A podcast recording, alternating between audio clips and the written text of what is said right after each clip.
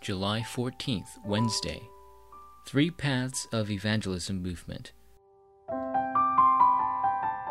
Matthew chapter 28, verses 18 through 20.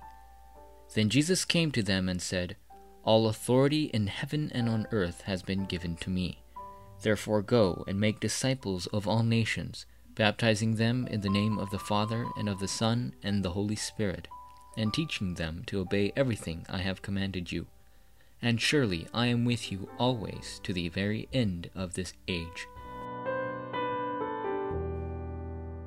If you correctly understand the evangelism movement, then you will understand everything and will not envy anything of the world. Furthermore, there is nothing more important than the evangelism movement. Answers will begin if you experience this evangelism movement just once.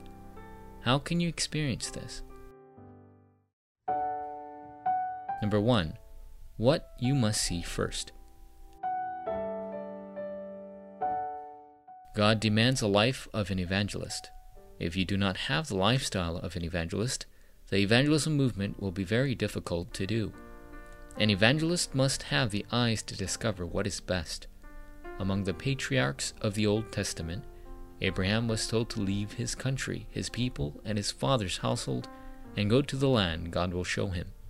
But he continuously suffered from not knowing that this was what was best. Abraham discovered what was the best one day, and no one could stop him from then on. Works began to arise for the seven remnants from the day they discovered this. In the early church and throughout church history, God used those who knew this value. The life of the evangelist is seeing what is best and showing what they have seen.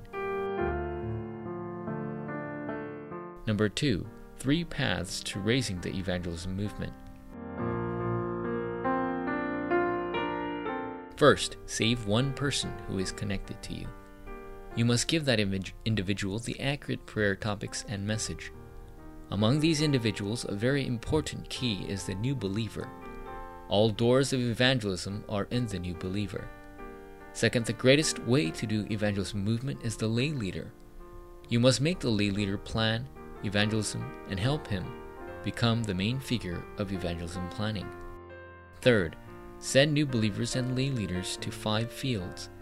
They are the field in which you can proclaim the gospel to unbelievers and be connected, the field of all lay people, field inside the field, specialists field, and elite field. If you open these three eyes, then God will raise a great evangelism movement. Number three, why it is not happening. In the church, there are so many people who don't have these works taking place for them. We must discover the reason why the works are not arising and tell them why nothing is happening in their lives. How can we do this? We must be able to find the covenant in the midst of prayer every day. If we cannot concentrate on prayer, no works will arise. If something incorrect has been imprinted in a person, we can only get rid of it by concentrating in prayer. Thereafter, if faith grows, his nature will change, and gradually his life will change as well. Forum topic Everything is inside of evangelism. The life of an evangelist is the best life and a life of blessings. Challenge to live the life of an evangelist.